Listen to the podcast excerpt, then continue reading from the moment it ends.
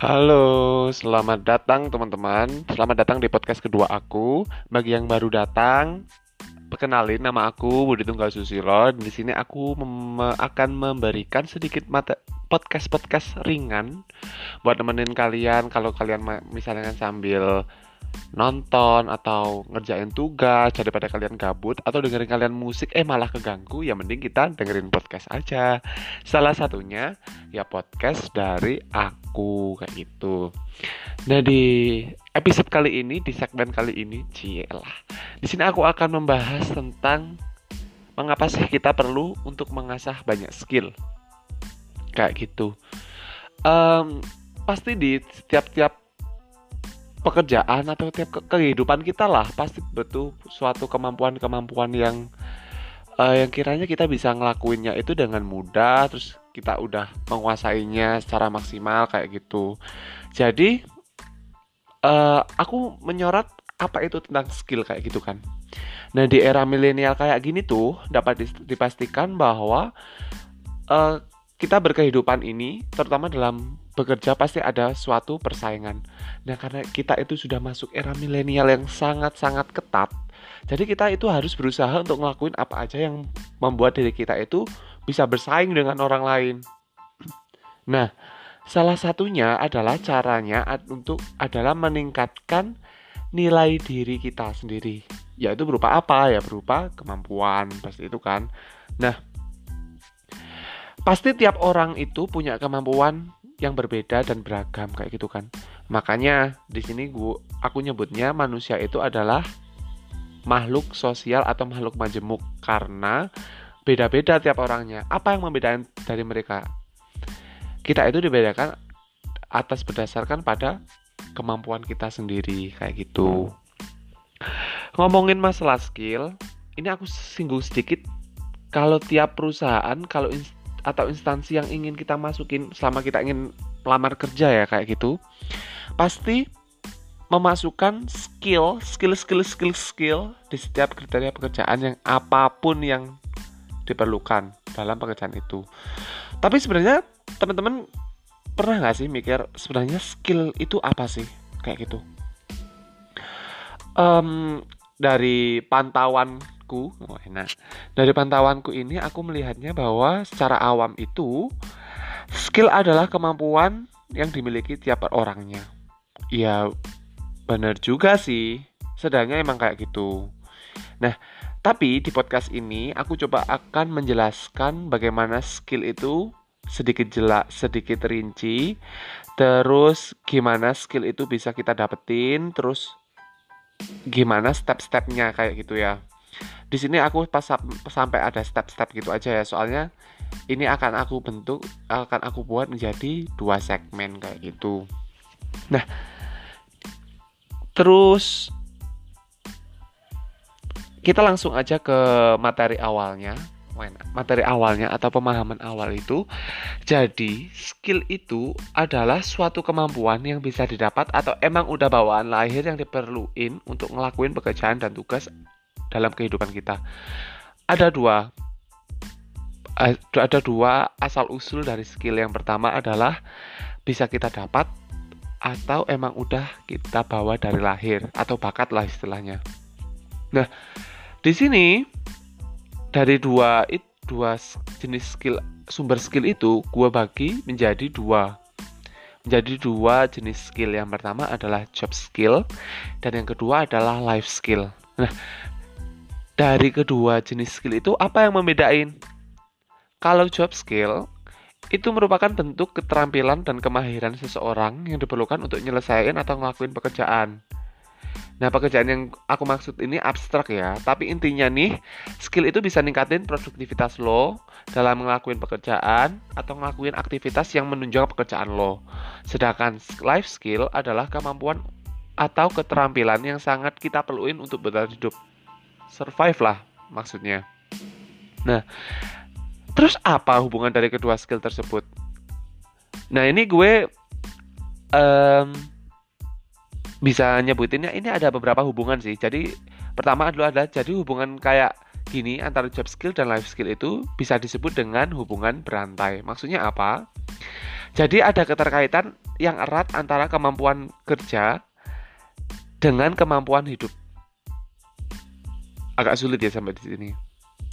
Ini gue coba jelasin. Jadi, gue kasih contoh, pasti lo akan merasa kesulitan survive tanpa mendapatkan uang. Itu udah pasti, karena uang itu digunakan untuk memenuhi kebutuhan lo sehari-hari. Nah, cara dapetin uang itu kayak apa? Ya kita perlu bekerja. Nah, dalam bekerja itu pasti membutuhkan skill dalam bekerja. Nah, selanjutnya ketika lo udah punya uang kan, lo gak, nggak akan bisa survive lebih lama kalau lo nggak punya skill hidup.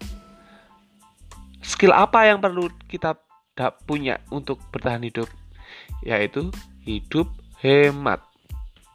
Nah, jadi hubungan kayak gini tuh perlu diperhatiin karena hal kayak gini itu saling berkesinambungan. Dari kedua skill ini, gimana sih cara kita dapetinnya? Dan kok bisa kita itu saling uh, dapetin padahal kita nggak selalu mengharapkan skill-skill yang ternyata bisa berguna buat kerja, buat hidup makin berkualitas dan finalnya ya hidup bahagia. Nah, kita langsung cari aja bagaimana skill itu bisa didapat.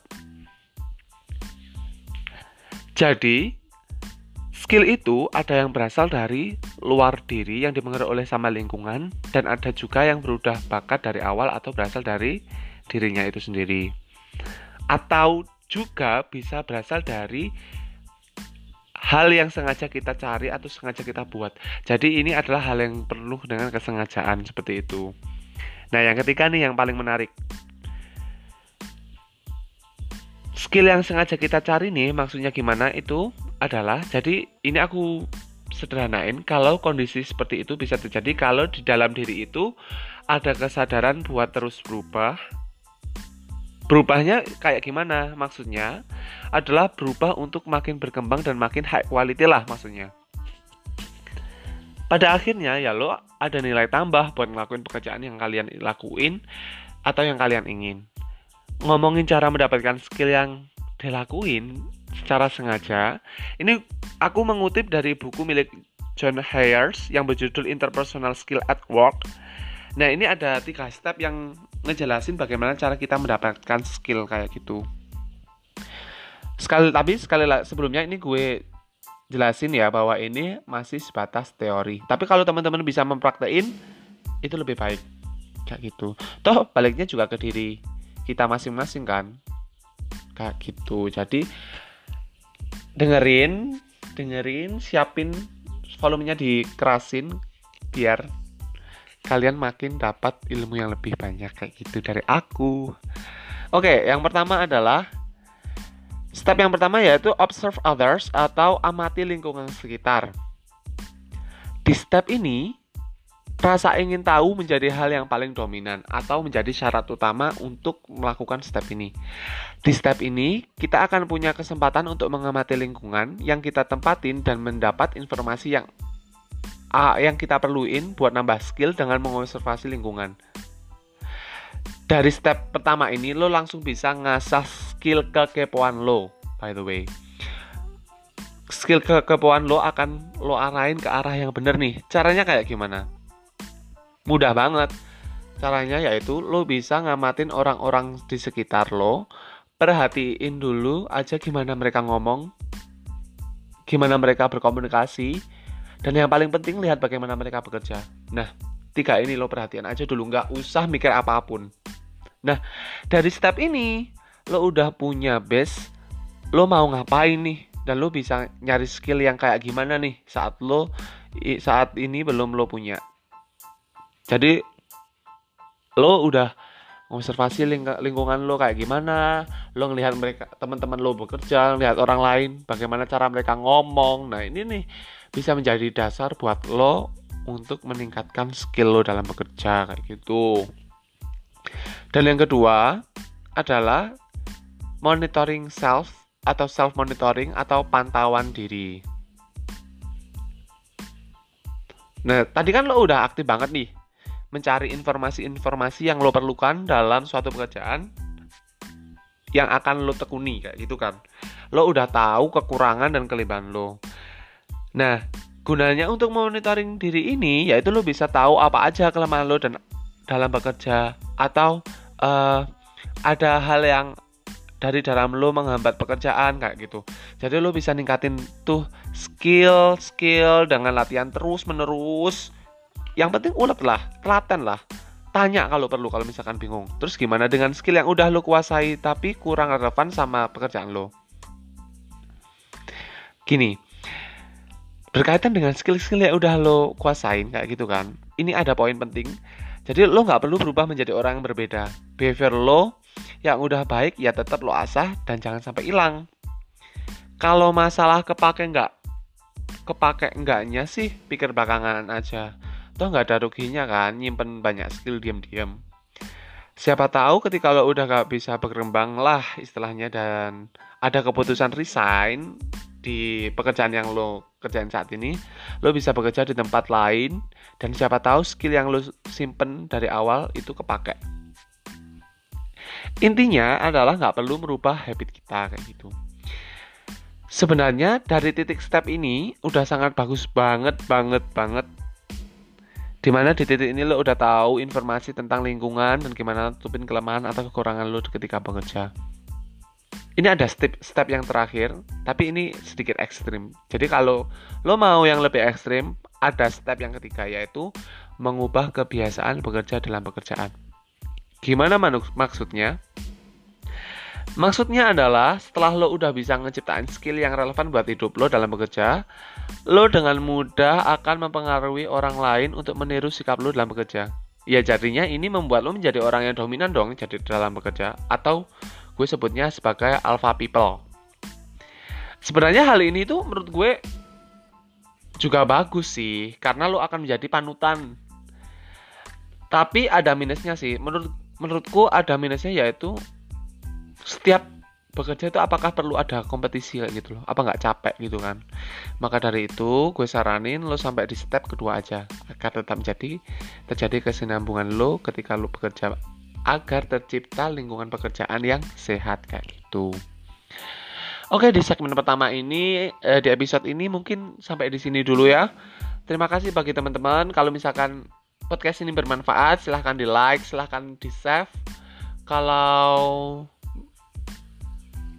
untung-untung bisa kalian share ke teman-teman kalian.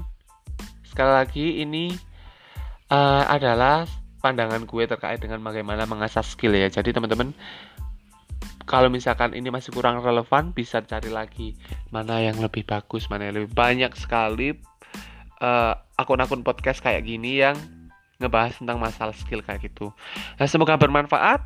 Terima kasih. Selamat menunggu podcast aku selanjutnya. Budi Tunggal Susilo pamit.